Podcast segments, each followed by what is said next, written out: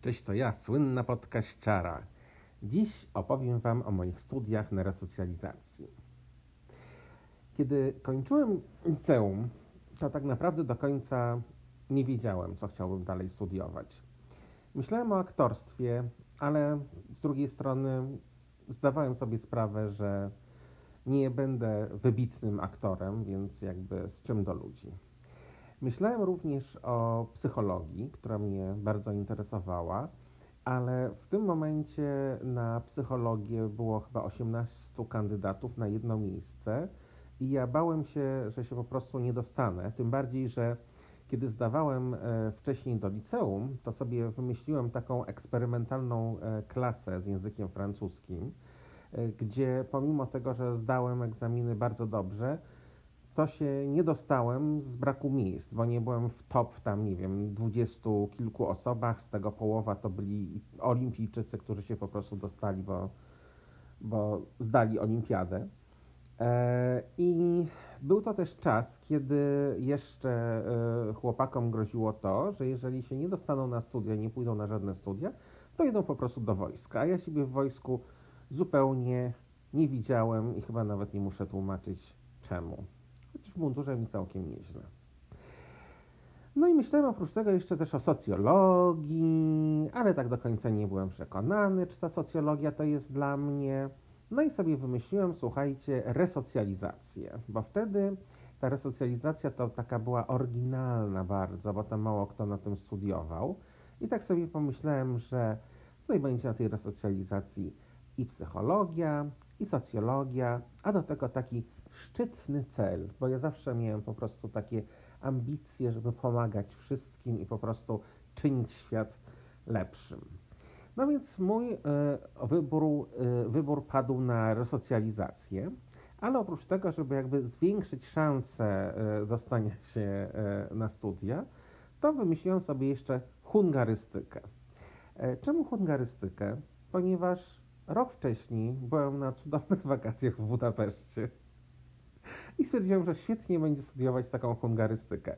No więc widzicie, to po prostu to są moje takie zawsze wybory życiowe, które są bardzo przemyślane i po prostu jakby nakierowane na karierę i rozwój i wszystko. Po prostu, a byłem na wakacjach, to będę studiował hungarystykę. Wakacje w Budapeszcie, to tylko powiem jedną rzecz, były cudowne e, z wielu powodów, ale też e, byłem tam z taką grupą znajomych i któregoś razu wybraliśmy się do miasteczka Aquincum, gdzie są ruiny, to są ruiny miasteczka rzymskiego. I te ruiny wyglądają tak, że jest po prostu murek do wysokości kolana i to są właśnie murki, które wyznaczają tam, gdzie były ściany budynków czy jakichś tam innych rzeczy. E, ale oprócz tego tam gdzie niegdzie na tych murkach stały takie kolumny piękne, starożytne. E, no więc e, z grupą znajomych e, robiliśmy tam sobie zdjęcia i taka jedna moja koleżanka chciała sobie zrobić właśnie zdjęcie przy kolumnie. No więc stanęła obok niej. Ja stoję jakby w oddaleniu z aparatem fotograficznym i ona tak się chciała o nią oprzeć. I ona się o nią oparła. I ja po prostu, słuchajcie, stojąc tam widzę, że ta kolumna się po prostu rusza i się po prostu tak powoli, powoli przechyla i przewraca. I ja po prostu się zacząłem rzeć, w ogóle kolumna, kolumna, że w ogóle łap tę kolumnę i tak dalej. No ale kolumna się w ogóle przewróciła i potłukła. Więc ja byłem po prostu przerażony.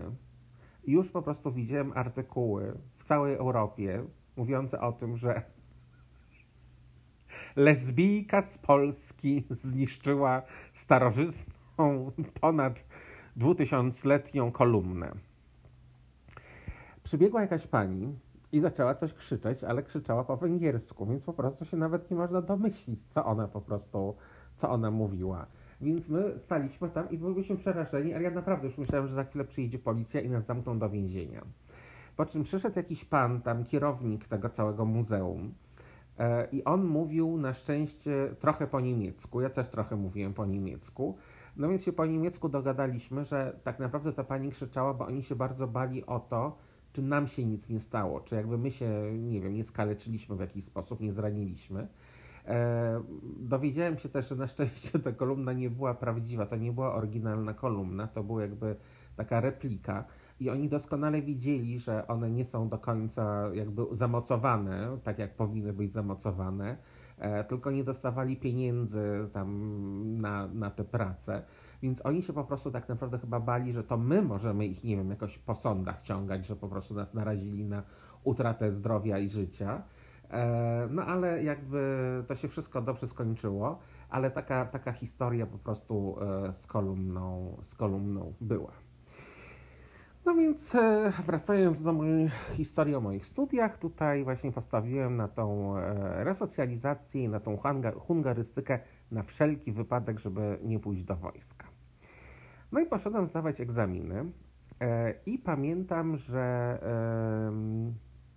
kiedy zdawałem, e, kiedy pisałem e, egzamin na resocjalizację, to wybrałem temat pod tytułem Jaki, Twoim zdaniem, powinien być bohater dla współczesnej młodzieży?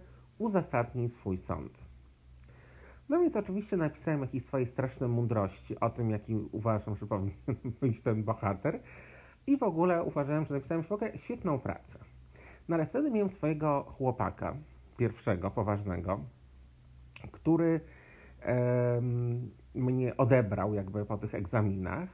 No i on e, jest ode mnie 7 lat starszy i mi to wtedy tak strasznie w ogóle imponowało, że ja tutaj jestem, proszę, dopiero na studia zdaję, a on to już w ogóle doktorat robi i taki jest w ogóle mądry i cudowny i wspaniały.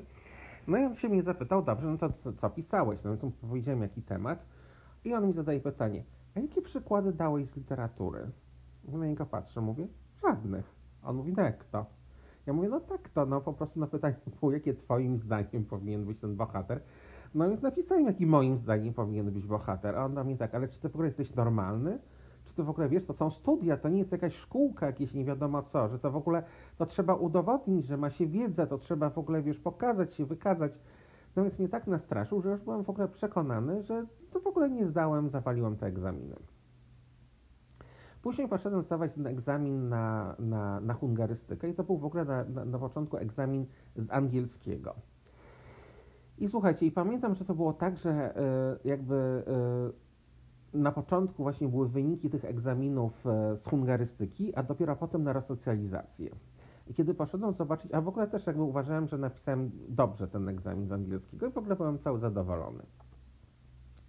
E, a tak w do podchodziłem do tego, że nie taka hungarystyka, no to wiadomo, z palcem w dupie się dostanę po prostu. Poszedłem, słuchajcie, zobaczyć wyniki i okazało się, że to nie to, że ja się nie dostałem, ja po prostu nie zdałem egzaminu z tego angielskiego. Nie wiem jakim cudem, no ale go nie zdałem po prostu, więc ja już byłem w ogóle już po tym, jak mnie jeszcze mój chłopak nastraszył z, tymi, z, tym, z tym egzaminem na, na resocjalizację, to już byłem absolutnie święcie przekonany, że ja się, yy, że już po prostu idę do wojska i w ogóle żegnaj życie. E, no ale poszedłem, poszedłem jakby później jakby zobaczyć te wyniki, no i tak patrzę od końca i tak no nie ma mnie, nie ma, nie ma, nie ma, nie ma, nie ma, no już po prostu no już nie ma, nie zdałem. Po czym się okazało, że chyba byłem numer dwa na liście, więc w ogóle, że świetnie. No i później miałem, mieliśmy tam jeszcze, nie wiem, rozmowę, rozmowy kwalifikacyjne na te studia. E, I profesorowie powiedzieli mi, że oni byli po prostu absolutnie zachwyceni moją pracą, że byłem jedynym studentem, który w ogóle zrozumiał pytanie i który właśnie napisał to, czego oni oczekiwali, właśnie, żeby pokazać, kim ja jestem, jakie ja mam swoje przemyślenia i jakim po prostu jestem człowiekiem. E, bo stwierdzili, że no skoro ja zdałem maturę i, idę na studia, no to, to na pewno wiedzę mam i na pewno różne książki przeczytałem, natomiast im zależało na tym, żeby poznać kandydatów i zobaczyć po prostu, co sobą reprezentują i jakie mają światopogląd i, i, i o czym myślą i tak dalej, więc byli absolutnie zachwyceni e, e, moją pracą. I oczywiście się dostałem na resocjalizację.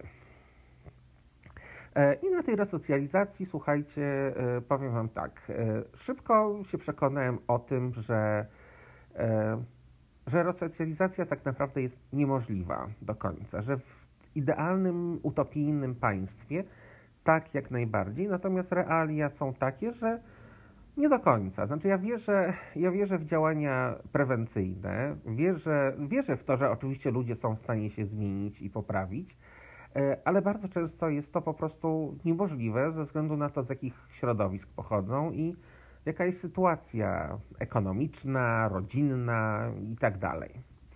Ale studia same w sobie, słuchajcie, były bardzo, bardzo ciekawe. E, właśnie było, były bardzo, bardzo szeroko rozwijające. Mnóstwo, mnóstwo różnych zagadnień, które później mi się bardzo, bardzo przydały w marketingu, w public relations, E, w dziennikarstwie. E, naprawdę cudownie, cudownie rozwijające, ale były też oczywiście różnego rodzaju e, tematy, na których ja po prostu no, kompletnie mnie nie interesowały, typu, nie wiem, na przykład no, historia nauczania i po prostu wszystkie możliwe szkoły i po prostu programy szkolne od zarania wieków do dzisiaj. Więc ja po prostu ja nie byłem w stanie się tego nauczyć, tego zapamiętać, tym bardziej, że ja studiowałem dziennie i od pierwszego roku ja zacząłem również pracować. W związku z tym e, ja nie miałem czasu tak naprawdę na naukę i nie miałem czasu na chodzenie na wykłady, że ja chodziłem tylko na te zajęcia, które były obowiązkowe, na ćwiczenia, na których sprawdzano listę. W związku z tym przyznaję się, że to nie był taki, nie wiem, czas, że ja tak się po prostu, nie wiem, studiowałem i, i studiowałem i po prostu tutaj się taki w ogóle jestem strasznie naukowy, tylko ja po prostu musiałem, musiałem pracować, pracowałem już wtedy w, w, w agencji e, Public Relation i, e, i tak, no i po prostu nie miałem czasu na to. Poza tym mój problem też polega, słuchajcie, na tym, że ja się nie potrafię uczyć. Ja kiedy zacząłem edukację i chodziłem, nie wiem, chodziłem do szkoły podstawowej, to ja po prostu, ja już od razu wszystko umiałem. Ja umiałem czytać, umiałem pisać, umiałem liczyć, umiałem wszystko. Ja, kiedy były wakacje, to nie wiem, kupowałem sobie ćwiczenia do następnej klasy i sobie po prostu jako rozrywkę wszystko yy, rozwiązywałem. Więc ja nigdy nie miałem czegoś takiego, że ja po prostu musiałem naprawdę siedzieć i się uczyć. I oczywiście, że później, kiedy doszły e, przedmioty bardziej skomplikowane, kiedy doszły jakieś, nie wiem, fizyki, chemii i inne tego typu rzeczy, to już nie byłem taki świetny, ale y, to jest kwestia tego, że ja po prostu, ja już nie potrafiłem się uczyć. I dla mnie takie, nie wiem, siedzenie przy biurku w domu i patrzenie na ulicę Bracką przez okno i na to, co tam się na niej dzieje, y, było dużo ciekawsze niż po prostu uczenie. I nie wiem, do tej pory nie jestem w stanie tak, żeby siedzieć w domu i się czegoś uczyć, a, na studiach, no niestety to na tym, na tym polega, ale mimo to Słuchajcie, dostawałem mnóstwo w ogóle jakichś świetnych ocen i to takim jakimś w ogóle zupełnym, zupełnie psim swędem. I to po prostu jakoś tak, to w ogóle, w ogóle niesamowicie. E, I to było, to było tak na przykład, że nie wiem, mieliśmy jakieś zajęcia z historii i pamiętam, że profesor e, powiedział tak, że teraz zadam pytanie i ktokolwiek odpowie na to pytanie, będzie miał piątkę na koniec roku, że nie musi już zdawać żadnych egzaminów ani nic, tylko że musi mieć jakby obecności i chodzić na zajęcia. No więc y, była oczywiście grupa takich kujonów u mnie w, w, na, na, studiach, która no po prostu się zawsze rzucała do odpowiedzi. To były osoby, którym bardzo zależało na tym, żeby mieć najwyższą średnią. E, z różnych powodów, na przykład no, takich, że oni, nie wiem, no, mieszkali w akademiku i ta średnia im też była potrzebna do, jakiegoś tam stypendium socjalnego innego. No, ja byłem z Warszawy, mieszkałem w Warszawie, studiowałem w Warszawie, miałem swój dom z rodzicami i, i jakby no, nie musiałem się martwić takimi, takimi sprawami. No i, y, i pamiętam, znaczy słuchajcie, nie pamiętam teraz tego pytania, ale to pytanie było takie, takie po prostu takie no, oczywiste, takie, że każdy to wie. To było, nie wiem, to było pytanie na zasadzie, w którym roku była bitwa pod Grunwaldem? No więc on zadał to, profesor zadał pytanie, i ja czekam po prostu, aż te wszystkie osoby się rzucą tam po prostu na niego z odpowiedzią, a po prostu w ogóle nikt. No więc ja podniosłem rękę, udzieliłem odpowiedzi i miałem piątkę na koniec roku.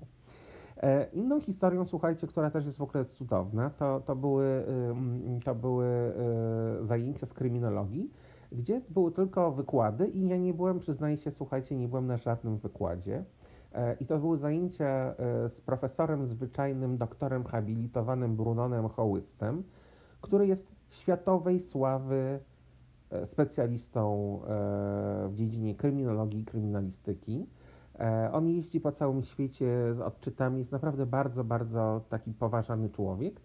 Ale z drugiej strony słyszałem o nim historię, że na przykład potrafił rzucić czyimś indeksem o ścianę, jeżeli ktoś tam napisał, że prof drhab, a nie dopisał jeszcze, że, zwy, że zwyczajny i potrafił powiedzieć, to pani na przykład nie kim pani ma zajęcia i rzucić tym indeksem przez całą salę.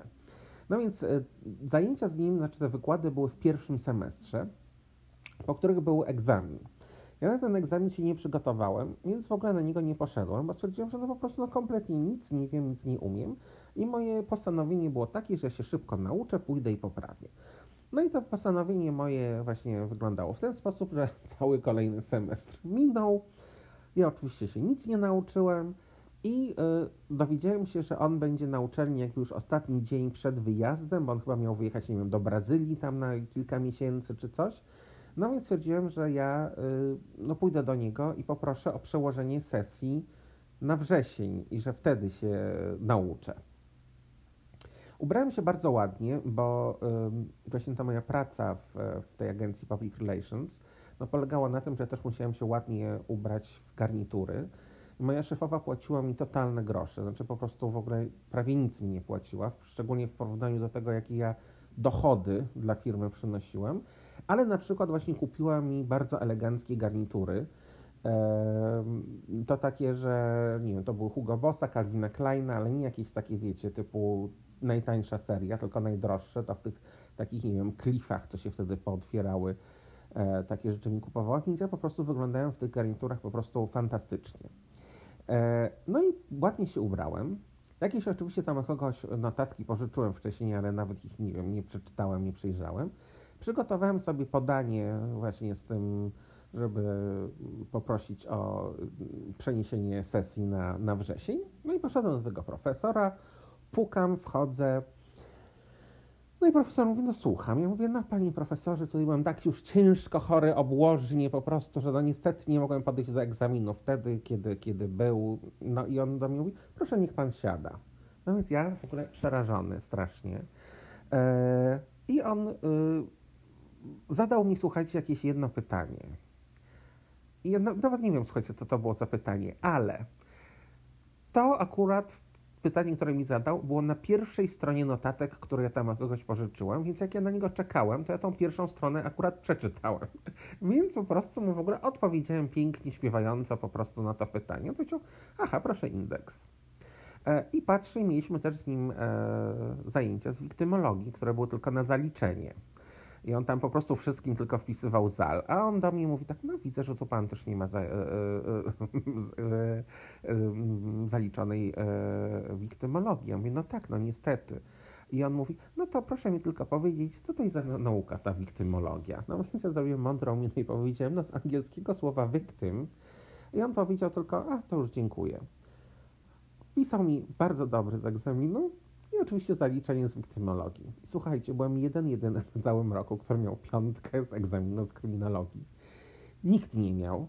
I chodziły tam właśnie te osoby, którym zależało na, na, yy, na średniej i się chciały poprawiać i tak dalej. On zaczął, nie, po prostu był jeden egzamin, była jedna po prostu możliwość. Proszę mi nie zawracać głowy, ja nie mam czasu. Więc kiedy się dowiedzieli, że ja mam piątkę, to chcieli mnie po prostu zamordować. Więc tam się po prostu mnóstwo jakichś takich rzeczy działo. Oprócz tego, słuchajcie, jednym z moich ulubionych zajęć na, na tej e, na, na resocjalizacji to były zajęcia z logopedii, na których ja, słuchajcie, ja umierałem ze śmiechu i ja miałem po prostu obsmarkane rękawy, bo ja po prostu twarz chowałem w łokciu, bo nie mogłem wytrzymać po prostu ze śmiechu. Bo wyobraźcie sobie po prostu taką całą salę osób, które są tam, no nie wiem, w wieku 20, 20 kilku lat, które siedzą i robią te wszystkie takie, takie ćwiczenia logopedyczne, to wyciąganie języka, dotykanie y, nosem języka, kręcenie, otwieranie buzi i tak dalej. Więc jak się spojrzy po prostu na całą, całą salę, no to, to, to, to naprawdę to, to, to, się nie dało po prostu nie wybuchnąć śmiechem. Więc ja, ja tam umierałem po prostu cały czas. A pani profesor była cudowna i pani profesor po prostu też prowadziła jakieś takie w ogóle y, zajęcia, znaczy ja myślę, że ona miała absolutnie doskonałą świadomość tego, jak to wszystko brzmi, o czym ona opowiada, natomiast ona to robiła zawsze z taką bardzo poważną miną. Więc słuchajcie, ja do tej pory, to jest właśnie najważniejsze rzeczy z logopedii, które pamiętam, to temat zabawy z lalą. Punkt pierwszy. Lala w windzie. No więc ja już sobie po prostu, jak już sobie zacząłem wyobrażać zabawy z lalą i lalę w windzie, to ja już po prostu płakałem, po prostu płakałem ze śmiechu i tam po prostu leżałem na tym biurku, a pani mówi z taką w ogóle bardzo poważną miną. Kładziemy dziecko na pleckach, na brzuszku sadzamy mu lalę. Dziecko musi oddychać przeponą, żeby lala jeździła do góry i na dół, do góry i na dół, jak w windzie. No więc ja po prostu płakałem, płakałem i obsmarkiwałem sobie po prostu rękawy na tych zajęciach, a to było po prostu najcudowniejsze zajęcie z logopedii. A jeszcze z tej logopedii było tak, że słuchajcie, żeby zaliczyć te zajęcia, to trzeba było przygotować grę logopedyczną. No więc ja oczywiście też nie miałem w ogóle czasu na wymyślanie jakichś gier logopedycznych i innych takich rzeczy. I po prostu już ostatniego dnia rano w ogóle e, sobie przypomniałem, że jest ostateczny termin oddania tej gry, więc miałem jakiś taki, nie wiem, jakiś taki czarny karton, a mój tata e, pracował kiedyś e, w firmie poligraficznej, gdzie robili naklejki. On mi jakieś tam te różne naklejki przynosił i akurat mi przyniósł takie naklejki, takie wielkości znaczka pocztowego mniej więcej e, z Jelczami, z autobusami Jelcz-Berliet, które tam miałem. Więc słuchajcie, ja z tych naklejek na tej czarnym kartonie nakleiłam taką dróżkę, taką krętą, że tam sobie właśnie można iść, że to jest tam od startu do mety. No i tam e, przy niektórych polach nakleiłem zieloną kropkę albo czerwoną kropkę. I mm, przygotowałem karty takie z różnymi pytaniami i zadaniami. No i przyszedłem i zacząłem po prostu pani opowiadać o tej grze, że to jest gra Jedziemy autobusem. I że tutaj właśnie można albo rzucać kostką i po prostu poruszać się o tyle pól, ile wypadło na kostce, albo można tą grę jeszcze rozszerzyć o takie proste zadania matematyczne, dopasowane do wieku dzieci grających. Więc na przykład może to być, nie wiem, 2 plus 3, 7 minus 4 i o tyle się po prostu posuwa. Więc jest taka gra bardzo taka rozwojowa, ją można jakby bardzo tutaj jakby rozwijać i udoskonalać i tak dalej. No i na przykład kiedy się dziecko zatrzyma przy e, polu z oznaczeniem zielonym, wyciąga zieloną, wyciąga zieloną kartę i musi wykonywać jakieś na przykład zalecenia, polecenia logopedyczne, że na przykład właśnie musi jakieś takie właśnie te ćwiczenia porobić i tak dalej. Ale kiedy się zatrzyma przy polu z kartą, ze znakiem czerwonym, wtedy wyciąga czerwoną kartę i są różnego innego rodzaju pytania. Na przykład, jedziesz autobusem i wszystkie miejsca są zajęte, a na kolejnym przystanku wsiada starsza pani. Co należy w tym momencie zrobić? No oczywiście wstać i ustąpić pani miejsce. No więc starsza pani profesor, słuchajcie, ona się mało nie popłakała że to jest w ogóle najlepsza gra na świecie, najlepsza po prostu, jaką ona w życiu widziała, że po prostu, że ona strasznie żałuje, że ona nie może mi postawić oceny, tylko zaliczenie, bo ja absolutnie zasługuję na ocenę bardzo dobrą i że to w ogóle ona, ona wszystkim tą grę pokaże, bo ona nigdy lepszej nie widziała po prostu. Słuchajcie, a to była gra, którą ja po prostu naprawdę, słuchajcie, zrobiłem 5 minut i po prostu wymyśliłem i tak dalej. No ja w wymyślaniu takich rzeczy to akurat zawsze byłem najlepszy, więc, więc tak, no więc to było tak, że te studia po prostu mi tak mijały, mijały, mijały i oczywiście, że to miałem, nie wiem, raz dostałem pałę i musiałem się poprawiać, tam jakieś tam inne rzeczy, ale ogólnie to, to było świetnie. I na tych studiach też poznałem, słuchajcie, jedną z moich najbliższych e, przyjaciółek, która, z którą byliśmy w ogóle w zupełnie innej grupie, ale my się dobraliśmy jak w korcu maku. Bo prawda jest taka, że na tej uczelni były prawie same dziewczyny, a oprócz tego większość tych dziewczyn wyglądały jak święte Bożeny. Takie wiecie, mis natura, zero makijażu, taki suchy włos kręcony, suknia z wora, koral drewniany, tudzież krzyż skórzany wywieszony i sandał. Więc takie po prostu świetne wożeny.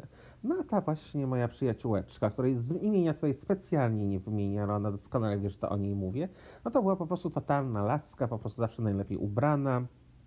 W ogóle była wicemistrzyni świata w ogóle w tańcach latynoamerykańskich, no po prostu cudowna. Więc my się, słuchajcie, spotykaliśmy, w ogóle jakoś nie wiem, my się poznaliśmy na korytarzu i po prostu od razu zapałaliśmy wielką miłością do siebie. I my byliśmy po prostu okropni. Naprawdę byliśmy okropni, bo my po prostu chodziliśmy, chodziliśmy się daliśmy w bufecie, w którym serwowano takie, wiecie, parówki po amerykańsku, czyli takie parówki zawinięte boczkiem z kuchenki mikrofalowej, najlepsze na świecie. E, I, e, I po prostu wszystkich obgadywaliśmy i po prostu obgadywaliśmy te wszystkie bożeny i umieraliśmy ze śmiechu z nich, więc nas pewnie ludzie nienawidzili strasznie, ale no my też no, zasługiwaliśmy na to, bo byliśmy okropni. Ale po prostu y, ta przyjaźń przetrwała wiele, wiele, wiele lat y, i jest naprawdę do tej pory ona moją najlepszą, taką jedną z najbliższych y, przyjaciółek. E, więc to też było dla mnie bardzo ważne na tej uczelni. No i tak, ale mm, tutaj jeszcze właśnie o jedną ciekawą rzecz, którą, którą chciałem opowiedzieć, że miałem też praktyki. Więc na praktykach miałem okazję odwiedzać więzienia, czy na przykład domy poprawcze. I muszę Wam powiedzieć, że to też były właśnie momenty, kiedy ja przestałem właśnie najbardziej wierzyć jakby w tą, w tą resocjalizację, bo na przykład no, odwiedzaliśmy więzienia i rozmawialiśmy, rozmawialiśmy z osadzonymi, E, no i, i, słyszeliśmy historię o tym na przykład, że, że bardzo często jest tak, że no po prostu facet trafia do więzienia z jakiegoś tam powodu. E, jeżeli miał żonę, to ta żona się z nim rozwodzi, po prostu nie chce go więcej e, znać. Rodzina się od niego odsuwa i on tak naprawdę nie ma nikogo. I potem wychodzi z tego więzienia i to był taki czas bezrobocia w Polsce, więc po prostu on nie może znaleźć pracy, jeżeli ma w papierach to, że był w więzieniu, no bo ogólnie ludzie bez więzienia też nie mogli znaleźć pracy. E, nie ma domu, pozostał z niego wymeldowany, nie ma rodziny, nie ma nic po prostu. I dla niego jedynym rozwiązaniem jest to, żeby znowu, nie wiem, iść na przykład coś ukraść specjalnie, żeby dać się złapać, żeby trafić z powrotem do więzienia, w którym będzie miał łóżko, jedzenie i jakieś tam rozrywki i zajęcie. Więc y, gdyby naprawdę była, nie wiem, możliwość opieki nad skazanymi, którzy wychodzą i jakiejś jej pomocy po prostu w odnalezieniu się e, w rzeczywistości, no to wtedy oczywiście taka resocjalizacja, ale oni mówią, no słuchajcie, no ja naprawdę, no ja nie, ja nie mogłem nic zrobić i, i to było na zasadzie, że albo, nie wiem, zostać bezdomnym, albo po prostu umrzeć z głodu, albo wrócić tutaj i sobie dalej spokojnie żyć. No więc to tak, tak po prostu często wyglądały te, te, te sytuacje. A jedną z takich, słuchajcie, najbardziej y, momentów, które były dla mnie takie, które nie wiem, które najbardziej jakby mnie dotknęły jakby y, do tej pory o tym myślę, to były, słuchajcie, wizyty w domach poprawczych, ale dla dziewczyn. Y, I muszę wam powiedzieć, że, że one były tak naprawdę bardzo smutne, bo Pierwsze wrażenie te dziewczyny sprawiały bardzo takie, słuchajcie, takie ostre i że one były takie bardzo niedostępne i one były takie dosyć wulgarne i w ogóle nie chciały z nami rozmawiać i, i, i taki właśnie był pokaz siły, e, więc e, na początku właśnie one takie sprawiały wrażenie takich właśnie bardzo, bardzo ostrych dziewczyn, które w ogóle w ogóle nie podchodź do mnie, nie, nie patrz na mnie, nie rozmawiaj. Ale później było tak, że my szliśmy i my po prostu oglądaliśmy pokoje, w których one mieszkają. I później się okazywało, słuchajcie, że one mają powycinane z jakichś gazet, słuchajcie, jakieś takie, nie wiem, zdjęcia zakochanej pary siedzącej na tle zachodzącego słońca, jakieś małe koteczki, małe pieseczki, jakieś takie, słuchajcie, takie właśnie takie romantyczne scenki. I człowiek na to patrzył i sobie myślał, że no tak, no one tutaj po prostu muszą odgrywać y, taką rolę takiej właśnie no, ostrej laski E, żeby, żeby no jakby no pokazać siłę i żeby jakby no nie były przez nikogo tam, nie wiem, gnojone i tak dalej. Ale w głębi serca, słuchajcie, każda z nich tak naprawdę marzyła właśnie o tym, żeby mieć koteczka albo pieseczka, żeby mieć po prostu cudownego chłopaka i w ogóle wspaniałą romantyczną miłość i, i pojechać na wakacje i siedzieć po prostu na tej plaży na tle zachodzącego słońca. I my tak patrzyliśmy na to i po prostu, znaczy jak patrzyłam i ja miałem świadomość, że że prawda jest taka, że w ogromnej większości przypadków to, to się nigdy nie stanie, tak naprawdę, że, e, że to też jest właśnie kwestia tego, że te dziewczyny po prostu jak wyjdą z tego poprawczaka, to wrócą do tego środowiska, z którego wyszły, do okropnych, niekochających rodziców, do jakichś po prostu psychicznych ojców, wujków, braci i tak że, y, że, że po prostu to nie będą miały naprawdę możliwości spełnienia tych swoich marzeń i że, i że ich życie się tak nie potoczy. I to było strasznie, strasznie smutne, ale, ale też właśnie tak pokazało, że, że każdy człowiek tak naprawdę właśnie myśli o czymś takim właśnie, no nie wiem, o tym samym. właśnie o tej romantycznej miłości i o, i o szczęściu. Więc to było naprawdę dla mnie bardzo, bardzo smutne wtedy, ale to też jest właśnie kwestia tego, że ja inaczej patrzę na wiele osób i zupełnie właśnie nie wiem, to też jakby we mnie jeszcze chyba bardziej jakąś taką empatię e, powiększyło, którą mam w sobie. E, więc to tak, więc to były takie naprawdę, słuchajcie, ciekawe studia. Znaczy te studia były właśnie fajne, bo później się okazało, że właśnie w tych moich PR-ach i marketingach to ja bardzo dużo takich właśnie jakby, no nie wiem, wiadomości mogłem wykorzystać. I, y, I ja polecam takie studia tak naprawdę wszystkim, ale nie do końca wierzę w karierę w tym kierunku, nie do końca wierzę w to, że może się coś zmienić. Mogłoby się zmienić, gdyby można było zmienić wszystko, ale to jest raczej niestety niemożliwe. E, I powiem Wam też, że, że, że mm, jak tak siedzę w domu i myślę o swojej przeszłości, to myślę też o swoich własnych rodzicach. I powiem Wam też, że trochę mam takiego żalu po latach, że moi rodzice tak naprawdę nie, właśnie mam takie wrażenie teraz, że oni nie przykładali wielkiej uwagi do mnie i nie przykładali wielkiej uwagi do, do mojej edukacji. Znaczy, oni też byli rozpieszczeni tymi moimi wzorowymi uczniami i tymi dobrymi ocenami. E, I, I ja żałuję, że wtedy, kiedy właśnie podejmowałem takie naprawdę decyzje o swojej przyszłości, i właśnie to były decyzje na zasadzie, a byłem na wakacjach, to będę studiował hungarystykę, czy jakaś taka resocjalizacja, że oni wtedy mnie tak naprawdę, nie wiem, nie powiedzieli mi weź się walnij w głowę i wybierz jakieś, nie wiem, studia, które, nie wiem, może ci dadzą większą możliwość kariery, zarabiania większych pieniędzy, poznania innych ludzi. E, bo wiecie, bo w życiu jest tak, że tak naprawdę kogo się, kto kogo zna, no to zawsze jakby jest lepiej się, nie wiem, ma się znajomości, to zawsze jest łatwiej jakąś pracę, jakieś tam inne rzeczy. E, więc e, nie poszedłem na studia, gdzie, gdzie moi koledzy i koleżanki później byli, nie wiem, dyrektorami banków czy dyrektorami wielkich e, korporacji, gdzie po prostu mogłem sobie spokojnie, nie wiem, mieć miejsc znajomości i, i znaleźć pracę. Może to nie jest w życiu najważniejsze, ale trochę mam, trochę mam takiego, nie wiem, takiego, takiego, takiego żalu w sobie, że, że, że ci moi rodzice tak naprawdę mieli trochę w dupie moją edukację.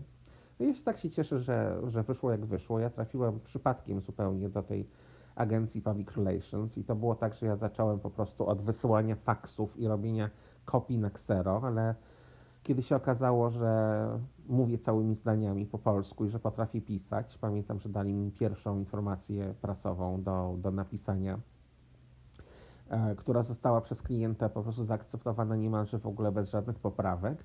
No i później stamtąd już w ogóle zacząłem prowadzić własne projekty i robić dużo innych rzeczy.